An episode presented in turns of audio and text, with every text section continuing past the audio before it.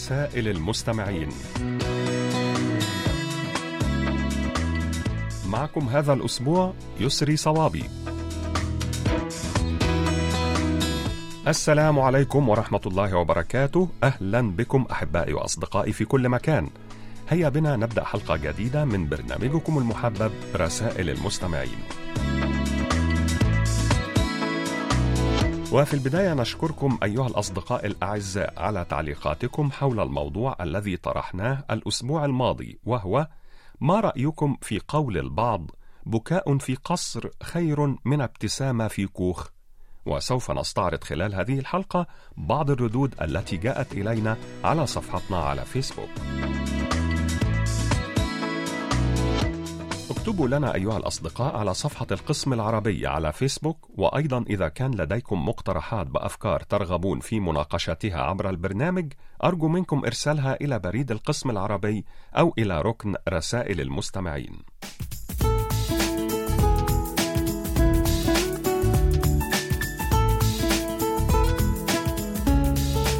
أما الآن فنبدأ في استعراض مساهماتكم الجميلة والقيمة ومعنا في مستهل هذه الحلقة مساهمة من صديقنا العزيز سامي مسعد من جمهورية مصر العربية الجيزة القبابات. يقول سئل الإمام علي عن أشد جنود الله فقال أشد جنود الله عشرة. الجبال الرواسي والحديد يقطع الجبال أي هو أقوى والنار تذيب الحديد فهي أقوى.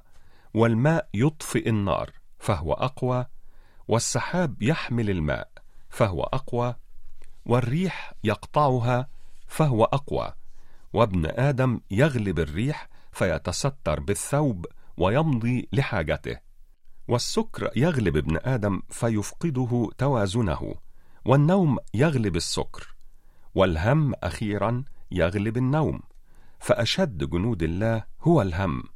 أعاذنا الله وإياكم منه.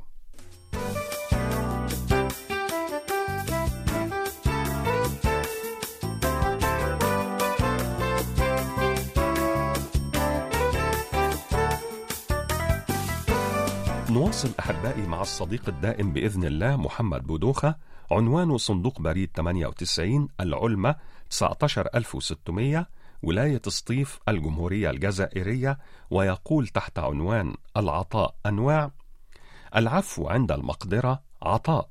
الدعاء لأخيك بظهر الغيب عطاء. التماس العذر لأخيك وصرف ظن السوء به عطاء. والكف عن عرض أخيك في غيبته عطاء. وتقدير الكبير والعطف على الصغير عطاء. والمساعدة للمحتاجين عطاء.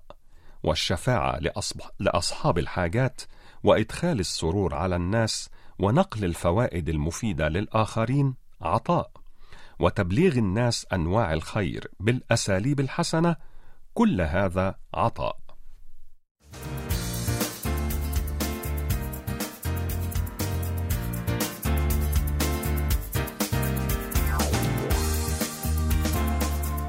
الخل الوفي إدريس بودينا المواطن المغربي المقيم في مدينة بيتسبرغ في الولايات المتحدة الأمريكية أرسل إلينا هذه الطائفة من الأقوال الجميلة للشاعر والفيلسوف والفنان العربي الكبير جبران خليل جبران ربما عدم الاتفاق أقصر مسافة بين فكرين. منبر الإنسانية قلبها الصامت وليس عقلها الثرثار. الفشل في حيائه خير من النجاح في ادعائه. الإنسانية نهر من النور يسير من أودية الأزل إلى بحر الأبد. الجود أن تعطي أكثر مما تستطيع والإباء أن تأخذ أقل مما تحتاج إليه. تسلك المرأة طريق العبيد لتسود الرجال ويسلك الرجل طريق الأسياد لتستعبده المرأة. إن ما نتوق إليه ونعجز عن الحصول عليه أحب إلى قلوبنا مما قد حصلنا عليه.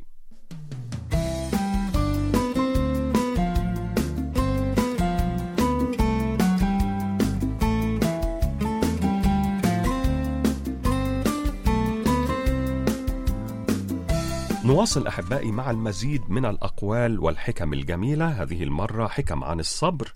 من مستمعنا العزيز الصديق عبد الناصر محمد رشاد كامل من مصر الشرقية مدينة العاشر من رمضان المجاورة 54 العمارة رقم 2 ألف شقة رقم 12 اخترنا منها ما يلي.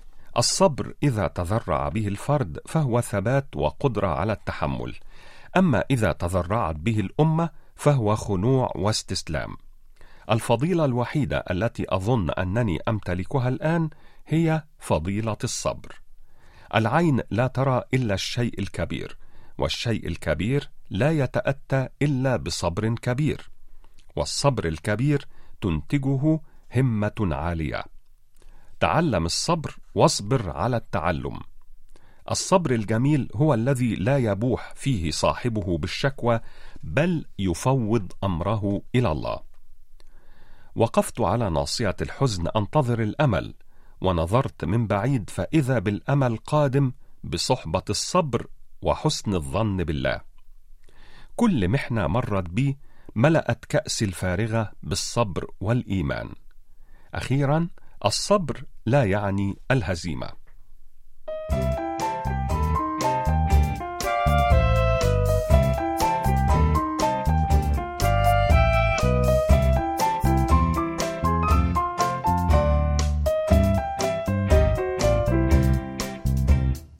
والآن أحبائي لدينا مساهمة صحية حول الرمان من صديقتنا العزيزة ربيعة بل يعقوبي من مدينة تلمسان بالجمهورية الجزائرية وتقول: الرمان من أجمل الفواكه ويطلق عليه لقب الذهب الأحمر نظرا لما يحتويه من عناصر غذائية مهمة للصحة.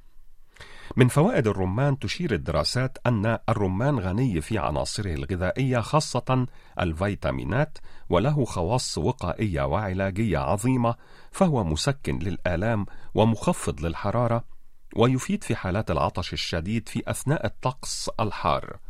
وقد أفادت بحوث طبية أجريت مؤخرا أن عصير الرمان مفيد وصحي لقلب الإنسان وكشفت أيضا عن أن شرب عصير الرمان يوميا يمكن أن يعيق أو حتى يمنع العوامل التي قد تؤدي إلى حدوث النوبات القلبية.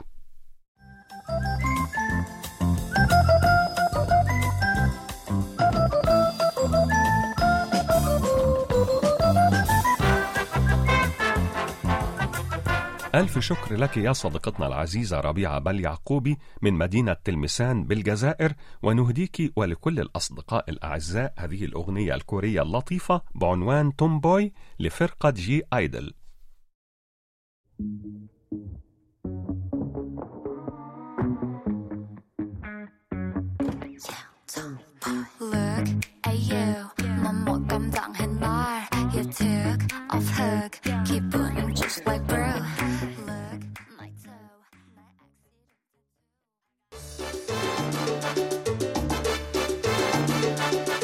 الآن إليكم أحبائي وأصدقائي بعض الردود السريعة عن رسائلكم. أصدقائي الأعزاء أدعوكم جميعا لإرسال تسجيلاتكم الصوتية التي تحتوي على مساهمات أو كلمات كتبتموها بأنفسكم أو مقترحات أو أفكار تريدون توصيلها عبر البرنامج. نشكر مستمعنا الوفي أبو علي مؤمن من الكاليتوس بالجزائر حيث يقول واقع حياتك جزء من الحياة وليس كل الحياة. وفهمك لهذا الواقع جزء من فهم أكبر وليس كل الفهم. والعقيدة ثقيلة فإذا دخلت القلب جعلته خفيفا وإذا خرجت منه أصبح القلب ثقيلا. مشكورة يا صديقتنا وأختنا العزيزة رسل عبد الوهاب من العراق على هذه المقولة والحكمة جوهر المرء في ثلاث. كتمان الغضب حتى يظن الناس من, من هدوئه أنه راض. وكتمان الفقر حتى يظن الناس من عفته أنه غني. وكتمان الشدة حتى يظن الناس من تبسمه أنه منعم. الشكر موصول لصديقنا العزيز عبد الله بوي من السنغال حيث كتب إلينا هذه المعلومات هل تعلم أن الفراشة تمتلك مستقبلات التذوق الخاصة بها في أقدامها؟ وهل تعلم أن عيون معظم أنواع السرطانات تقع في نهايات سيقانها؟ وهل تعلم أن الحرباء تستطيع الرؤية باتجاهين مختلفين في الوقت ذاته لأن عيونها تستطيع التحرك بشكل مستقل؟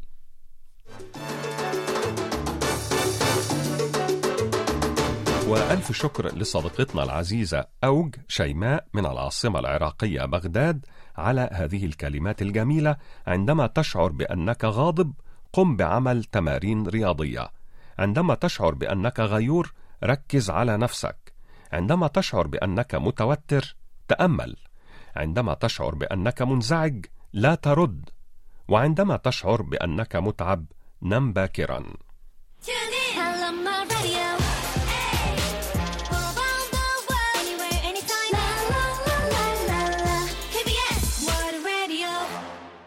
نواصل أحبائي مع صديقتنا العزيزة إلهام غالم من مدينة تلمسان بالجزائر وتحدثنا هذا الأسبوع عن قبيلة الهنزة المعروفة أيضا باسم بوروشو وتقول إنها قبيلة مسلمة تعيش على الحدود بين باكستان والهند في واد يطلق عليه وادي الخالدين.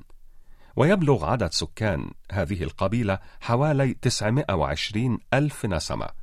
ويتبع أفرادها أسلوب حياة يوميا هو سر شبابهم الدائم. فهم يعتمدون في نظامهم الغذائي على أكل الخضروات النيئة والفواكه والبروتين كالحليب والبيض والجبن ولا يأكلون إلا ما يزرعون فقط. كما أن لديهم فترة صيام صحي مدته ثلاثة أشهر من كل عام لا يتناولون فيها إلا العصير الطازج. أما الاستحمام فهو حصرا بالماء البارد حتى في أكثر أوقات السنة برودة. كما يتضمن نظام حياتهم اليومي المشي لمسافات أكثر من 20 كيلومترا. تتمتع نساؤهم بصحة جيدة تؤهلهن للإنجاب في سن السبعين وكأنهن في العشرين. كما يتمتعن ببشرة نضرة كبشرة الأطفال بينما الرجال الأقوياء ولديهم قدرة غير عادية للتحمل. وغياب التكنولوجيا الحديثة لدى تلك القبيلة يجعل من المجهود البدني الشاق أمرا ضروريا لاستمرارية الحياة، حيث لا مجال للكسل الذي يعتبر من أكثر المخاطر التي تهدد صحة القلب. لذلك يعيشون حتى 150 عاماً. أما اكتشاف هذا الشعب فتم بالمصادفة في عام 1984 عندما استوقف موظف أمن في مطار لندن رجلا تاريخ ميلاده عام 1932 بينما شكله يوحي بأنه في الثلاثين من عمره. مما أثار استغراب رجل الأمن فحكى له الرجل عن موطنه الهنزة ومن هنا ذاع صيت تلك المنطقة.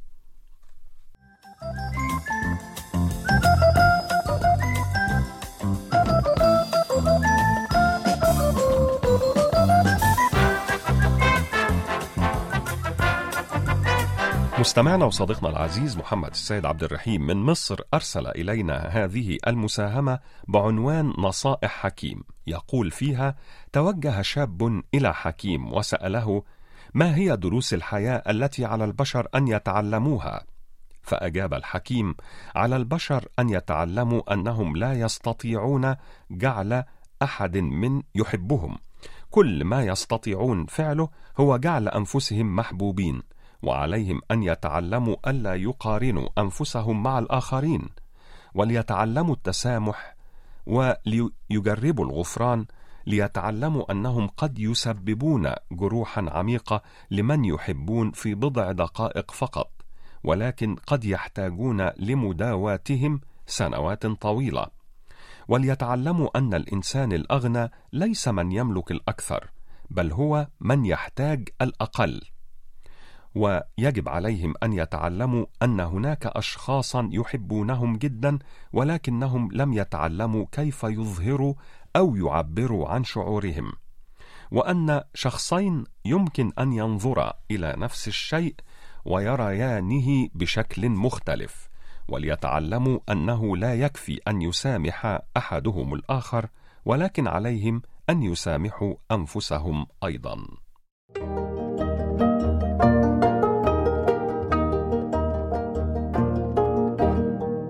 قضية الأسبوع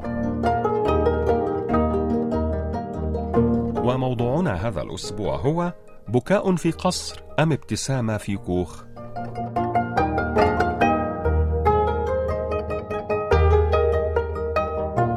صديقنا العزيز عبد الرحيم آية العواد من المملكة المغربية يقول: يمكننا أن نقول العكس، ابتسامة في كوخ خير من بكاء في قصر، فالسعادة ليست بالأموال ولا بالقصور، ولكن بسعادة القلب، وأقرب طريق لسعادة القلب أن تدخل السعادة على قلوب الناس، وأكبر اللذات لذة الإحسان. كوريا خان تقول: الرضا سر الحياة السعيدة. سواء كان ذلك في قصر أم في كوخ فمن الطبيعي أن يمر الإنسان بأيام صعبة وجميلة وهناك دائما عبء على الإنسان والمهم أن قلوبنا لا تحزن ولا تيأس حتى لا تفقد أرواحنا شغفها بالحياة. الصديق العزيز عبد الإله إزو من المملكة المغربية يقول العكس هو الصحيح فراحتي وصحتي وطمأنينتي في كوخ أفضل ألف مرة من العيش في قصر لا راحة فيه ولا هناء. الصديق العزيز عبد السلام بوبازا يقول: هل ستسكت جدران القصر المزخرفة البكاء؟ وبماذا تنفع تلك الجدران والقلب يتألم؟ حينها العين لا ترى إلا الظلام. نور الحياة تقول: لا شك في أن المال يساعد على الإحساس بالسعادة وأن الفقر يساعد على الشعور بالتعاسة وقلة الحيلة. وقد كان كبار الصحابة والمبشرون بالجنة من الأثرياء. ولكن أعتقد أن المال وحده ليس هو سبب السعادة فيا حبذا لو اجتمع المال مع الرضا والقناعة والكرم والعطف على الآخرين وحينها سيكون البكاء في القصر خير من الابتسامة في كوخ.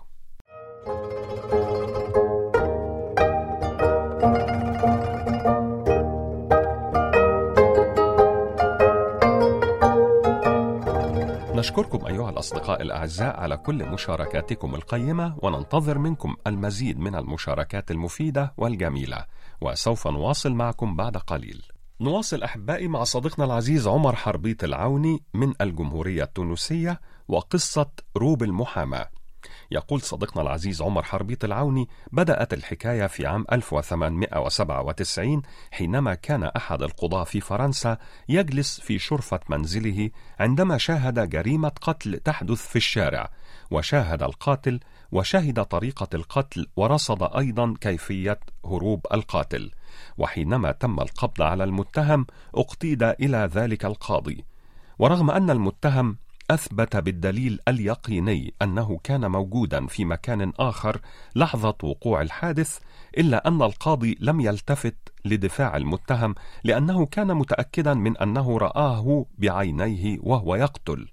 وبالتالي أصدر الحكم بإعدامه وبالفعل تم تنفيذ الحكم. بعد مرور عام فوجئ نفس القاضي بنفس المتهم يقف أمامه متهما في جريمة قتل أخرى.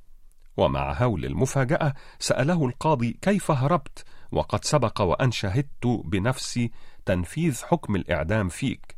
وكانت المفاجأة في إجابة المتهم حيث قال إن من تم إعدامه هو شقيقه التوأم وهو مظلوم لأن من ارتكب الجريمة الأولى هو الماثل أمام القاضي وليس شقيقه. هنا أدرك القاضي مدى الخطأ الفادح الذي ارتكبه وأعلن ذلك للجميع. وفي إحدى المحاكمات التي كان يقوم بها هذا القاضي وجد أن أحد المحامين يدخل عليه وهو يرتدي روبا أسود فسأله عن ذلك فقال إن هذا الروب رمز لشبح المتهم البريء الذي أعدمه ظلما.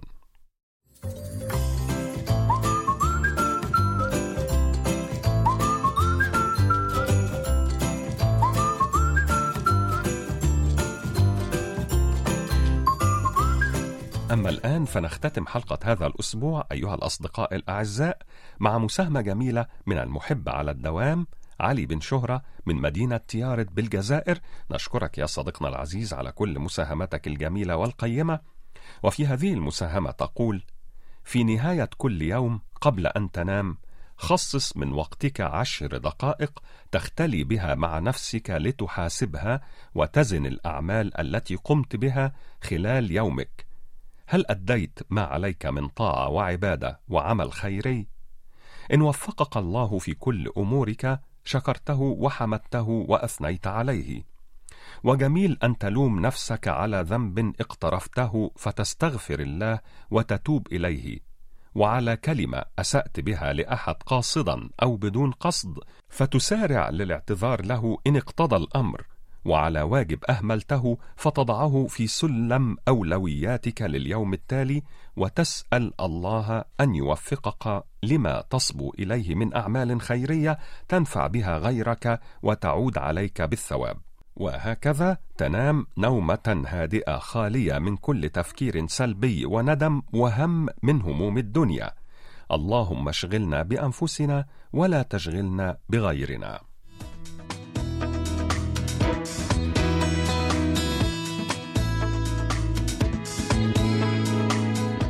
بهذه الكلمات الجميلة نكون قد وصلنا وإياكم أحبائي وأصدقائي إلى ختام حلقة هذا الأسبوع من برنامجكم المحبب رسائل المستمعين. نعدكم أيها الأصدقاء الأعزاء بأن نلتقي بكم في مثل هذا الموعد من الأسبوع القادم إن شاء الله. وحتى ذلك الحين إليكم تحيات مخرجة البرنامج قمر كيم يونغ وهذه تحياتي يسري صوابي.